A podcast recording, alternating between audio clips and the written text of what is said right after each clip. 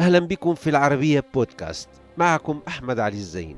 وضيفي في روافد هو الفيلسوف المغربي الدكتور محمد سبيلة الذي علم جيلا من النخب المغربية.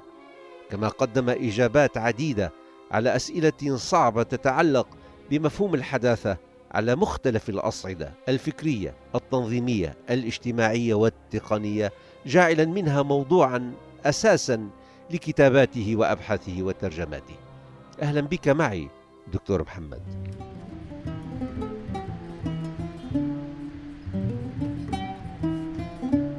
سبيل الوهلة الأولى الواحد بيفكر بهذا الاسم من أين أتى؟ والأصول بعيدة أصلها في سبيل الله وتدريجيا تعرف الاستعمال اليومي يدعو إلى التخفيف. من ال... نعم. سبيل الله سبيل الله سبيل الله حتى وصلت إلى هذا سبيل. المستوى آه حلو حلو إيه. سبيلة دكتور محمد سبيلة قامة من قامات المفكرين العرب التنويريين فيلسوف مغربي وأستاذ جيل من النخب قطع مسارا طويلا في اشتغالاته على أسئلة عصره المتوالدة وعلى مفهوم الحداثة بمستوياته المختلفة الفكري والتنظيمي والاجتماعي والتقني جاعلا منه الموضوع الأساس على طاولته لسنوات طويلة بحيث كتب فيه عشرات الكتب والأبحاث. بالطبع هذا إضافة إلى أبحاث أخرى ودراسات وترجمات عديدة في حقول المعرفة الفكرية والسوسيولوجية. كان هذا اللقاء بالدكتور سبيلة قبيل الجائحة التي غزت كوكبنا بأيام قليلة. لذلك كانت الأسئلة مهتمة بمصائب فيروسات أخرى فتاكة بدورها وبعضها متأصل أو متجذر ويمتلك حصانات دفاعية صلبة تمنع تسرب ما يخلق طمأنينتها. في سؤال في سؤال دائما تطرحه أنت على نفسك وعلى الآخرين يمكن. بتقول من نحن وأين نحن الآن؟ هذا سؤال سؤال صغير ولكن مؤرق مقلق. واحيانا مؤلم. مؤلم.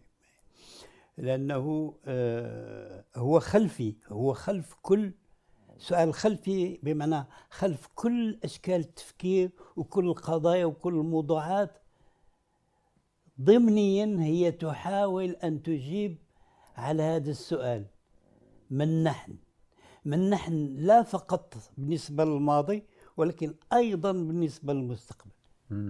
هل نستحق الحياة؟ أوه. هل نحن مؤهلون؟ ضمنيا هل نحن مؤهلون للتعامل الإيجابي مع الحياة؟ فهذه خل يعني لا يجيب عنها المثقف أو الكاتب مباشرة ولكن يتناولها زي ما تقول خلسة وضمنا تأتي دائما هذا السؤال. آه، يعني هو سؤال مؤرق لا يشبعه جواب نعم. تتطلب أجوبة بشكل مستمر. وربما إلحاح إلحاح هذا السؤال نتيجة أنه ليس لا توجد إجابة شبه شافية عليه. نعم. على مستوى التحقق على أرض الواقع.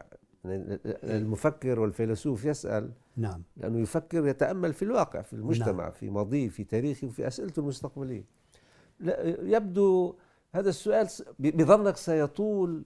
هو آه، فيه شقين. فيه ال- الأيديولوجيين والعقائديين والجاهزين للاجوبه الجاهزة. الجاهزة التي هي حلول سحرية.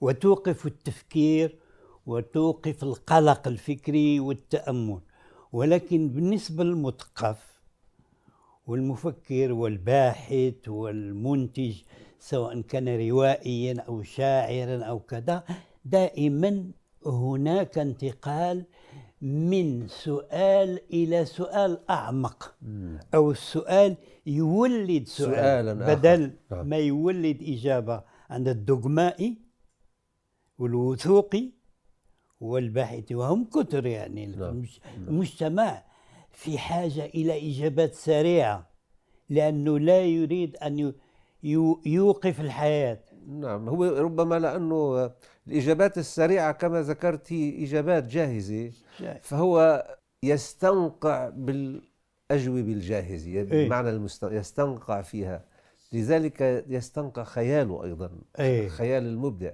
بظنك هذا السؤال هذا السؤال المفكر الغربي الآن أو العاملين في شأن الفلسفة بال- بالغرب يوجد بهذا الإلحاح؟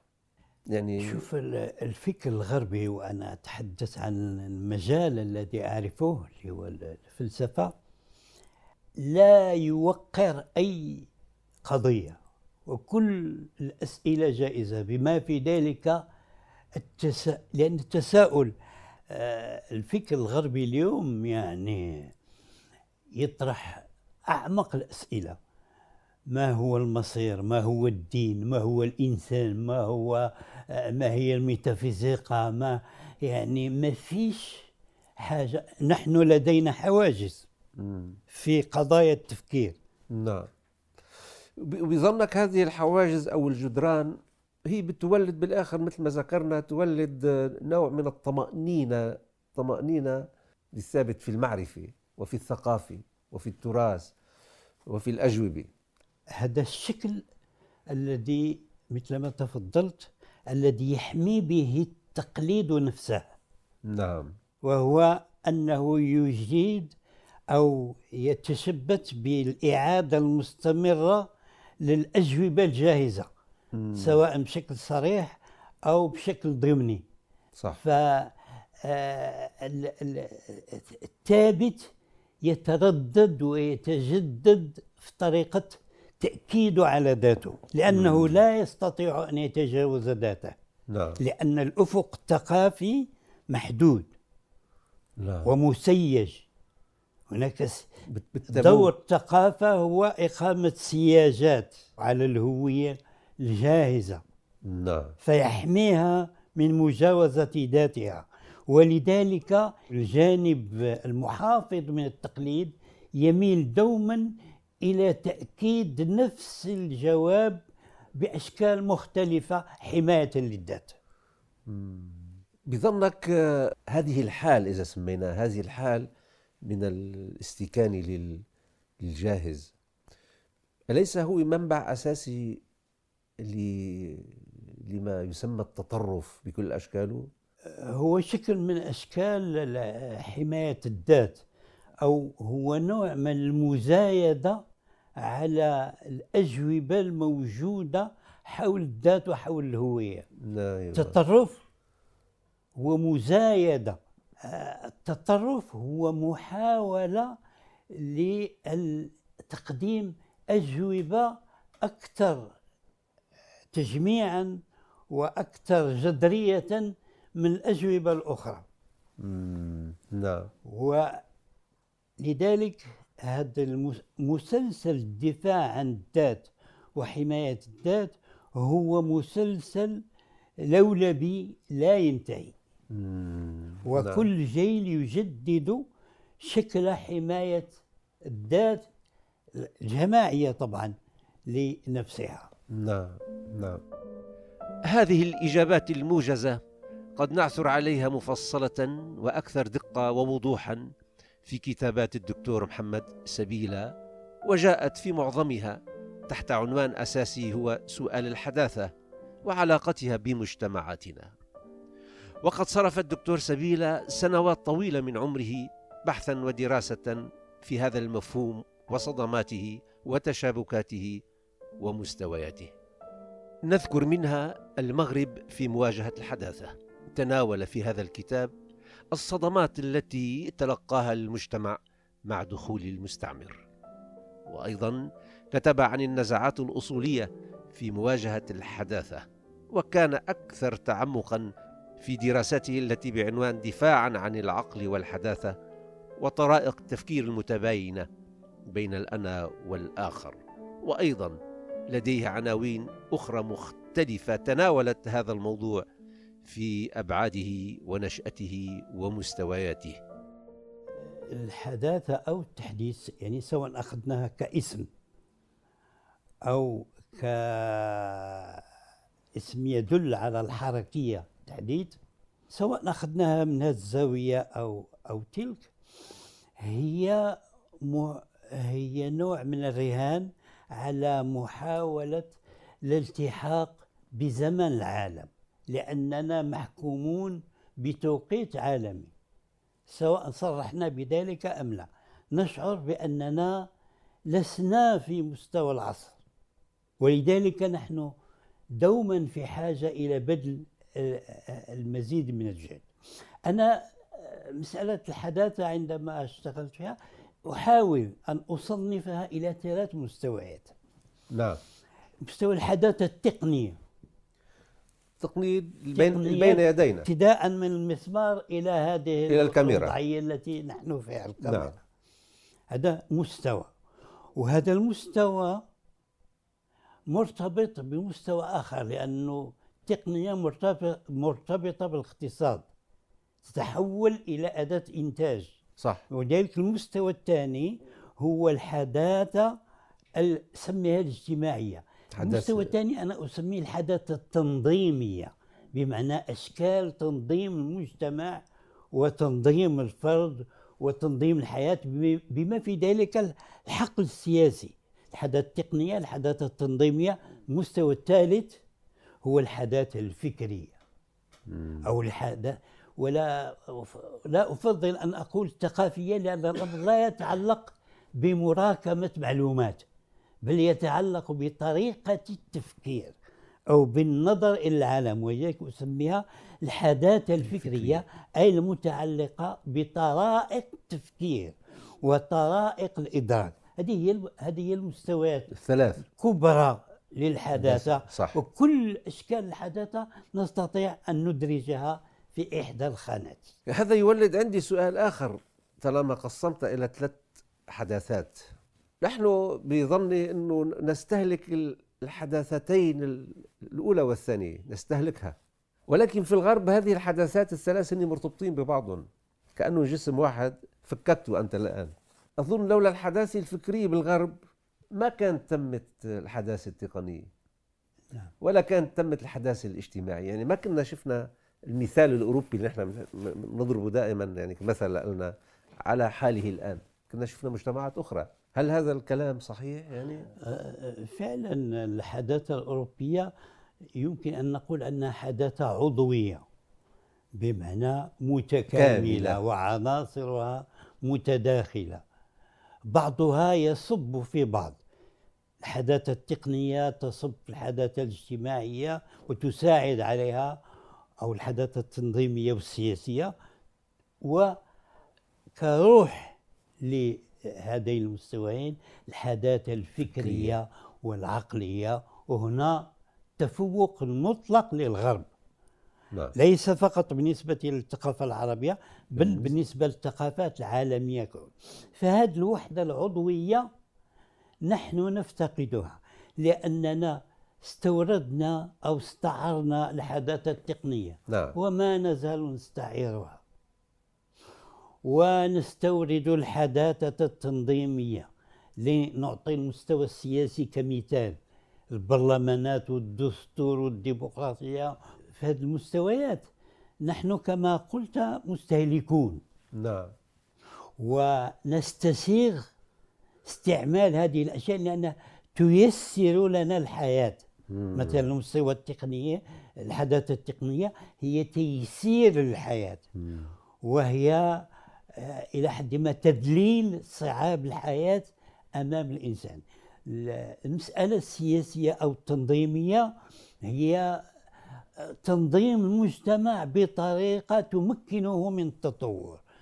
ولكن الحداثة الفكرية. هنا تبرز المقاومات ويبدو أن التقليد لأن لكل لكل مجتمع تقليده الفكري. وهنا أنا أستعمل التقليد بمعنى واسع la tradition T majuscule نعم يعني تثاقلات التقليد التقليد الفكري وتقليد العادات وكل أشكال التقليد.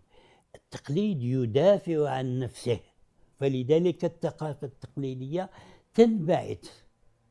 مش تلقائيا تنبعث طبعا بفعل القوى التقليدية. ولكن اليوم مبدئيا آه، بدأت الحداثة التنظيمية تحظى ببعض القبول. ولكن على المستوى الفكري والفلسفي هنا تظهر أشرس أشكال المقاومة. لأنها لأن التقليد يعتبرها هجوما على نواته. يقول الدكتور سبيلة في بعض أبحاثه إن الثقافة العربية الإسلامية كمفهوم لا تتعارض مع الحداثة لأنها أي هذه الثقافة هي بنية فكرية واجتماعية وعقدية وتاريخية وتتضمن دعوة إلى التقدم والتطور وفهم العالم وهي التي بنت واحدة من بين أهم الحضارات في التاريخ وما زالت إنجازاتها في حقول العلم والطب والفلك والإبداع بشكل عام من الأساسات الأكاديمية في جامعات العالم ومراكز أبحاثه. وهذا ما يجعلنا نفكر بأسباب الخلل الذي أصاب هذه الثقافة. الثقافة العربية الإسلامية طبعا ككل الثقافات فيها جوانب إيجابية لنقل آه، تطويرية فيها إذا جوانب إيجابية ولكن فيها أيضا تأويلات سلبية نعم. نكوصية دفاعية عن الذات ودفاعية بشكل تشنجي. ولذلك فكأن هناك يعني آليتين آلية تدفع إلى الأمام وهي آلية التقدم والتحديث وهذا وهي تكتسب تدريجيا قوى أو قوة لأنه هناك آليات آه، في العالم تحث على ذلك. فالثقافة هي بالضبط هذا المجال الذي يحدث فيه هذا الصراع. ولذلك يستحسن أن ننظر إلى الثقافة لا ككتلة متجانسة واحدة بل ننظر إلى هذه التفاوتات من حيث موقفها من التطور والتقدم والحداثة والتحديث. هذا هو المعيار آه، الأساسي. نعم. وكل ثقافة وعلى رأسها ثقافتنا تعيش لأن تعيش هذا الصراع لأنه اليوم الحداثة والتحديث يعني يكتسح العالم. لاحظ مثلا أنه الحداثة التقنية لها إغراءاتها. طبعا. إغراءاتها لأنها مفيدة. طبعا. ولكن أيضا الحداثة التنظيمية لنقول سياسية وكذا لها أيضا إغراءاتها ولها اليوم أوصياء عليها. لها حماتها ودعاتها والأوصياء عليها. وهذا هو هذا هو الشيء الجديد. يعني منذ نشوء الأمم المتحدة إلى الآن هو أنها تحولت إلى أداة تدعو للتحديث وتدعم التحديث بتقول دكتور أنه الحداثة عند العرب ارتبطت بتجربة الصدمة الاستعمارية بحيث اكتشف العرب ربما واقعهم من خلال الاستعمار وأدواته المختلفة يعني بسلبياتها وإيجابياتها. الصدمة الاستعمارية اللي هي صدمة احتلال ولكن عندها دلالات أخرى هي أنها آه، صدمة تفوق. وصدمة عدم توازن حضاري وصدمة للذات التي تكتشف التي تتوهم بأنها متفوقة تكتشف بأنها ليست متفوقة لا حربيا ولا تجاريا ولا أي مستوى من المستويات. أمام الهزيمة نوقن بأننا لسنا متفوقين بالشكل. وهذه صدمة إذن وهنا آه، أعود لأقول بأن السوسيولوجيين على الأقل السوسيولوجيين الغربيين يقولون بأن الاستعمار هو الشكل الذي اتخذت به الحداثة سبل انتشارها عبر العالم. لأن الحداثة أو على الأقل التحديث التقني والاقتصادي هو قوة. عندما نربط بين الاستعمار والحداثة فنحن نربط بين التقنية والتجارة. لأن التقنية عندما تصل مستوى من المستويات فتحتاج إلى أسواق وإلى توسع. فهذا الاقتران يعني آه، ارتبط بنشأة آه، إلى حد ما الحداثة.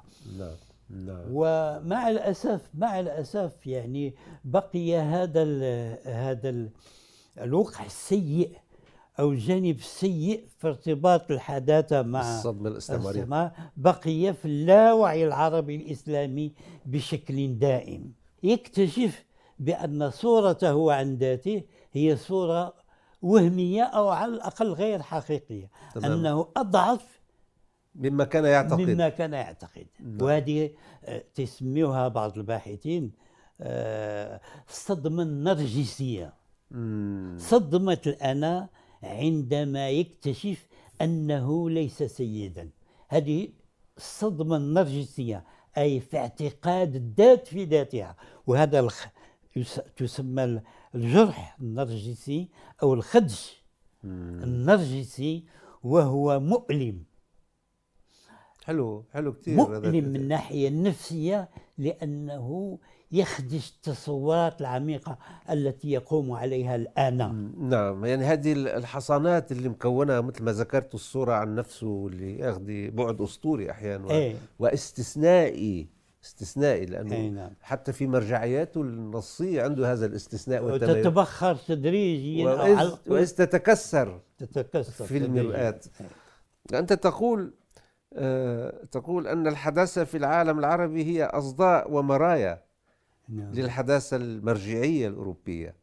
نعم هو الحقيقة هذا هو الاسم الذي تفضلت به أنه في حداثة مرجعية في العالم. أنه الحداثة أول ما وقعت وقعت في مكان معين, معين. وفي زمان معين. وهذا هذا الواقع ديال البشر. سميها مراحل.